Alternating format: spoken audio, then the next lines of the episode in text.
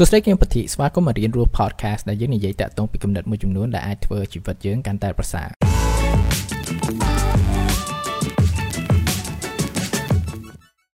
តើអ្នកគឺជា introvert ឬក៏ extrovert នេះគឺជា personality guideline មួយចឹងណាហើយក៏មាន personality test ផ្សេងៗដែរតើអ្នកទាំងអស់គ្នាធ្លាប់ធ្វើ personality test មួយចំនួនដែលគេ identify ថាតើតចរិតយើងវារបៀបម៉េចយើងជាមនុស្សនិយាយច្រើនយើងជាមនុស្សអត់សូវមាត់កឬក៏មនុស្សមានកម្លាំងឬក៏ជាមនុស្សម្នាក់ដែលចូលចិត្តនៅតែឯងហើយ personality test មួយដែលថាគេអាសាយកមកប្រើហ្នឹងគឺ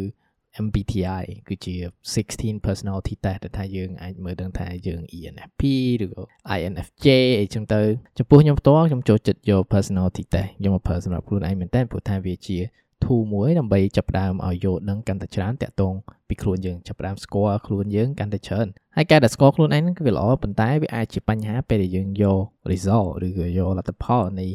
personality test ទាំងអស់ហ្នឹងធ្វើជា limitation សម្រាប់ខ្លួនយើង ហើយការដែលយើងយកមកប្រើសម្រាប់ limitation ឯងដូចឧទាហរណ៍ថាខ្ញុំជាមនុស្សអត់សូវមកកខ្ញុំជាមនុស្ស introvert ចឹងមានន័យថាខ្ញុំអត់អីទេដែលថាខ្ញុំអត់មាន social skill ឬអូខ្ញុំគឺជា extrovert អញ្ចឹងមានន័យថាវាជាធម្មតាថាខ្ញុំនិយាយច្រើនខ្ញុំអត់ចាំបាច់ទេថាខ្ញុំត្រូវស្ដាប់គេត្រូវប្រឈប់ឬក៏ខ្ញុំអាចចំណាយពេលនៅម្នាក់ឯងដើម្បី meditate ដើម្បីធ្វើឲ្យខ្លួនស្ងប់ចិត្តស្ងប់កាយអញ្ចឹងទៅហើយនេះគឺជាបញ្ហាមួយដែលខ្ញុំមើលឃើញជារឿយៗដែលថាយើងយក personality យើងយកតចរិតរបស់យើងជាព្រំដែននៃអ្វីដែលយើងអាចខ្លាចជាអ្វីដែលសំខាន់ដែលថាយើងត្រូវយល់ដឹងគឺថាអតចរិតហើយជាមួយជំនាញ personality ហើយជាមួយនឹង skill ពីរហ្នឹងគឺដូចគ្នាឧទាហរណ៍ខ្ញុំគឺជា introvert ប៉ុន្តែ public speaking គឺក៏ការនិយាយនៅសាធារណៈគឺជា skill មួយដែលថាខ្ញុំអាចមាន ហើយបើសិនបើខ្ញុំជា extrovert ខ្ញុំក៏អាចអង្គុយតែឯងអង្គុយអានរាប់ម៉ោងនៅមួយកន្លែងដើម្បីស្រូបយកចំណេះដឹងក៏បានដែរហើយតាមបទពិសោធន៍ក្នុងការធ្វើការជាមួយនឹងមនុស្សមួយចំនួនដែលថា like I feel inspired by គឺថាពួកគាត់អ្នកខ្លះគឺថាឡើងលើឆាកនិយាយមកលយមែនតើពេលដែលចុះក្រៅឆាកវិញយើងនិយាយមួយគាត់ចឹងទៅអូគាត់ជា introvert សោះហើយដោយសារគាត់អាចមានអត្តចរិតមួយចាគាត់អាចយកអត្តចរិតធ្វើជាព្រំដែន នៃអ្វីដែលគាត់អាចធ្វើបានឬក៏អ្វីដែលគាត់អាចស្វែងយកបានឬក៏ជំនាញដែលគាត់អាចមានហើយបើយើងមើលទៅគឺថាពេលខ្លះគឺថាយើងច្បុកច្បល់ពីរហ្នឹងមែនតើមិនដឹងថាមួយណាវាជា skill មួយណាជាអត្តចរិតទេហើយនេះគឺជាអ្វីមួយដែលសំខាន់ដែលថាយើងគួរវែកញែកព្រោះថាអត្តចរិតវាអាចត្រូវការពេលវេលាច្រើនក្នុងការកែប្រែប៉ុន្តែតកតទៅនឹងជំនាញគឺជាអ្វីដែលថាយើងអាចចំណាយពេលតិចជាងក្នុងការស្វែងយល់ក្នុងការយល់ដឹងឬក៏ក្នុងការមានបទពិសោធន៍ទៅលើវាហ្នឹងហើយបន្ថែមទៀតគឺថាតកតង personality test គឺមាន2 point តូចទៀតដែលថាយើងគួរតែយល់ដឹង ទី1គឺ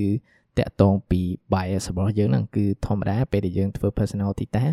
យើងអាចមាន bias ដែរ bias ហ្នឹងគឺថាភាពលំអៀងសម្រាប់ខ្លួនឯងហ្នឹងណាពេលដែលយើងគេឲ្យយើងថាហឺពី1ដល់5តើយើងគិតចឹងមែនអត់យើងពេលខ្លះដឹងតែមានអាការគិតមួយថាខ្ញុំប្រហែលជាអញ្ចឹងអេដូចអត់ទេគឺថាអត់ច្បាស់ខ្លួនឯងហើយពេលដែលអត់ច្បាស់ហ្នឹងពេលខ្លះយើង unconscious គឺថាដែលអត់ដឹងខ្លួនយើងធ្វើជំរើសមួយដែលថាយើងចង់ខ្លាយជាមនុស្សបែបហ្នឹងដែលមាន personality បែបហ្នឹងឬក៏យើងចង់ឲ្យគេមើលមកយើងថាជា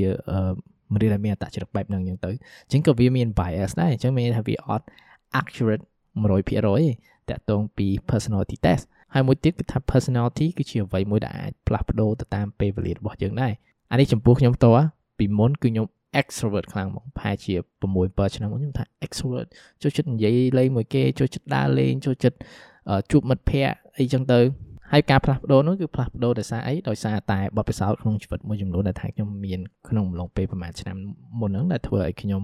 វាផ្លាស់ប្ដូរដែរនៅក្នុងអត្តចរិតរបស់ខ្ញុំហ្នឹងអញ្ចឹងវាមិនមែនជាអ្វីដែលថេវាពេលខ្លះវាអាចផ្លាស់ប្ដូរទៅតាមបទពិសោធន៍ជីវិតរបស់យើងហើយក៏វាអាចផ្លាស់ប្ដូរទៅតាមអាយុរបស់យើងចឹងដែរទៅទៅអាហ្នឹងដូចគេថា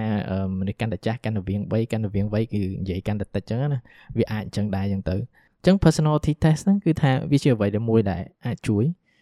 វាជាអ្វីមួយដែលដូចជាត្រីវិស័យវាប្រាប់ថាទឹះទៅណាប៉ុន្តែវាមិនមែនជាផែនទីទេថានេះគឺជាអ្វីមែនតើយើងអាចមាន bias ហើយមួយទៀតគឺថា personality យើងវាអាច change វាមិនមែនជាអ្វីដែលពិត accurate 100%រហូតទេហើយអ្វីដែលថាយើងអាចធ្វើបានគឺចាប់ផ្ដើមយកវាមកប្រើឲ្យ more conscious អឺបើសិនបើអ្នកទាំងអស់គ្នាចូលចិត្តធ្វើ personality test អីចឹង មួយឆ្នាំឬក៏ពីរឆ្នាំអីចាប់ផ្ដើមធ្វើម្ដងដើម្បី evaluate ខ្លួនឯងឡើងវិញដើម្បីយល់ដឹងហើយជាពិសេសមើលឃើញតាក់ទងពីភាពផ្លាស់ប្ដូរហើយពេលដែលយើងបាន personality test សំណួរដែលសំខាន់មែនតើអឺពេលយើងឃើញ result ហ្នឹងយើងចាប់ផ្ដើមសួរខ្លួនឯងថានិយាយទៅមើលពីចំណុចមួយចំណុចមួយតាក់ទងពីគេបរិយាយណាសួរខ្លួនឯងថាតើខ្ញុំយល់ស្របអត់ដែលគេនិយាយចឹង ពី1ដល់5ខ្ញុំយល់ស្របអានឹងប៉ុណ្ណាហេតុអ្វីបានខ្ញុំយល់ស្របហេតុអ្វីដែលខ្ញុំមិនយល់ស្របជំនឿថាយើងចាប់ផ្ដើមមិនមែនថាមើលតែគេប្រាប់ថាយើងអញ្ចឹងតែប៉ុណ្្នឹងហើយប៉ុន្តែយើងគិតមើលខ្លួនឯងដែរតាមការយល់ឃើញរបស់យើងតើយើងគិតយ៉ាងម៉េចថាណាត្រូវណាខុសហើយជាពិសេសមួយទៀតគឺថាយើងចាប់ផ្ដើមមើល reflect តាក់ទងពីបទពិសោធន៍នៃជីវិតដែលថាយើងមានក្នុងរយៈពេល1ឆ្នាំឬក៏2ឆ្នាំមុនហ្នឹងតើមានអ្វីខ្លះទៅធំធំហើយតើវាជាអ្វីដែលអាចផ្លាស់ប្ដូរនៅអត្តចរិតរបស់យើងអត់ ព្រោះថាពេលខ្លះក៏វាអាចដែរអញ្ចឹង personality test គឺវាល្អវាជាអ្វីមួយជា tool មួយដែលថាអាចជួយយើងនឹងស្គាល់ពីខ្លួនឯងប៉ុន្តែកុំយកវាជាអ្វីមួយដែលបង្កើតព្រំដែនណានៃ possibility ដែលថាយើងអាចមានឬក៏ possibility ក្នុងការក្លាយជាមនុស្សម្នាក់ដែលយើងអាចក្លាយជានឹងជាពិសេសដែលថាខ្ញុំគិតថាសំខាន់ក្នុងការយល់ដឹងគឺថា personality វាអាចផ្លាស់ប្ដូរហើយ personality result ហ្នឹងគឺវាមិន អាច accurate 100%បានរហូតទេព្រោះថាយើងអាចមាន bias មួយចំនួនដែរហើយជាពិសេសគឺថា personality test result តចរិតរបស់យើងមិនមែនជាជំនាញទេពីរហ្នឹងគឺខុសគ្នាអញ្ចឹងយើងកុំយកអស់ហ្នឹងមកប្រាប់ខ្លួនឯងថាអូខ្ញុំមិនអាចធ្វើនេះបានឬក៏ខ្ញុំមិនអាចមានជំនាញនេះបានឬក៏ខ្ញុំមិនអាចឡើងឆាកបានដោយសារខ្ញុំជា introvert អីចឹងយើងត្រូវផ្លាស់ប្ដូរការគិតរបស់យើង ព្រោះថាវាជាអ្វីមួយដែលយកមកប្រើមិនមែនជាអ្វីមួយដែលយកមកធ្វើបាបខ្លួនឯងអរគុណក្នុងការស្ដាប់អេពីសូតនេះហើយអ្នកក៏អាចស្ដាប់ podcast នេះនៅលើ Google និង Apple Podcast ហើយចាំជួបគ្នាថ្ងៃក្រោយហើយក្នុងឡុងពេលនេះអភិវឌ្ឍខ្លួនជានិច្ចជួបគ្នាថ្ងៃក្រោយបាយបាយ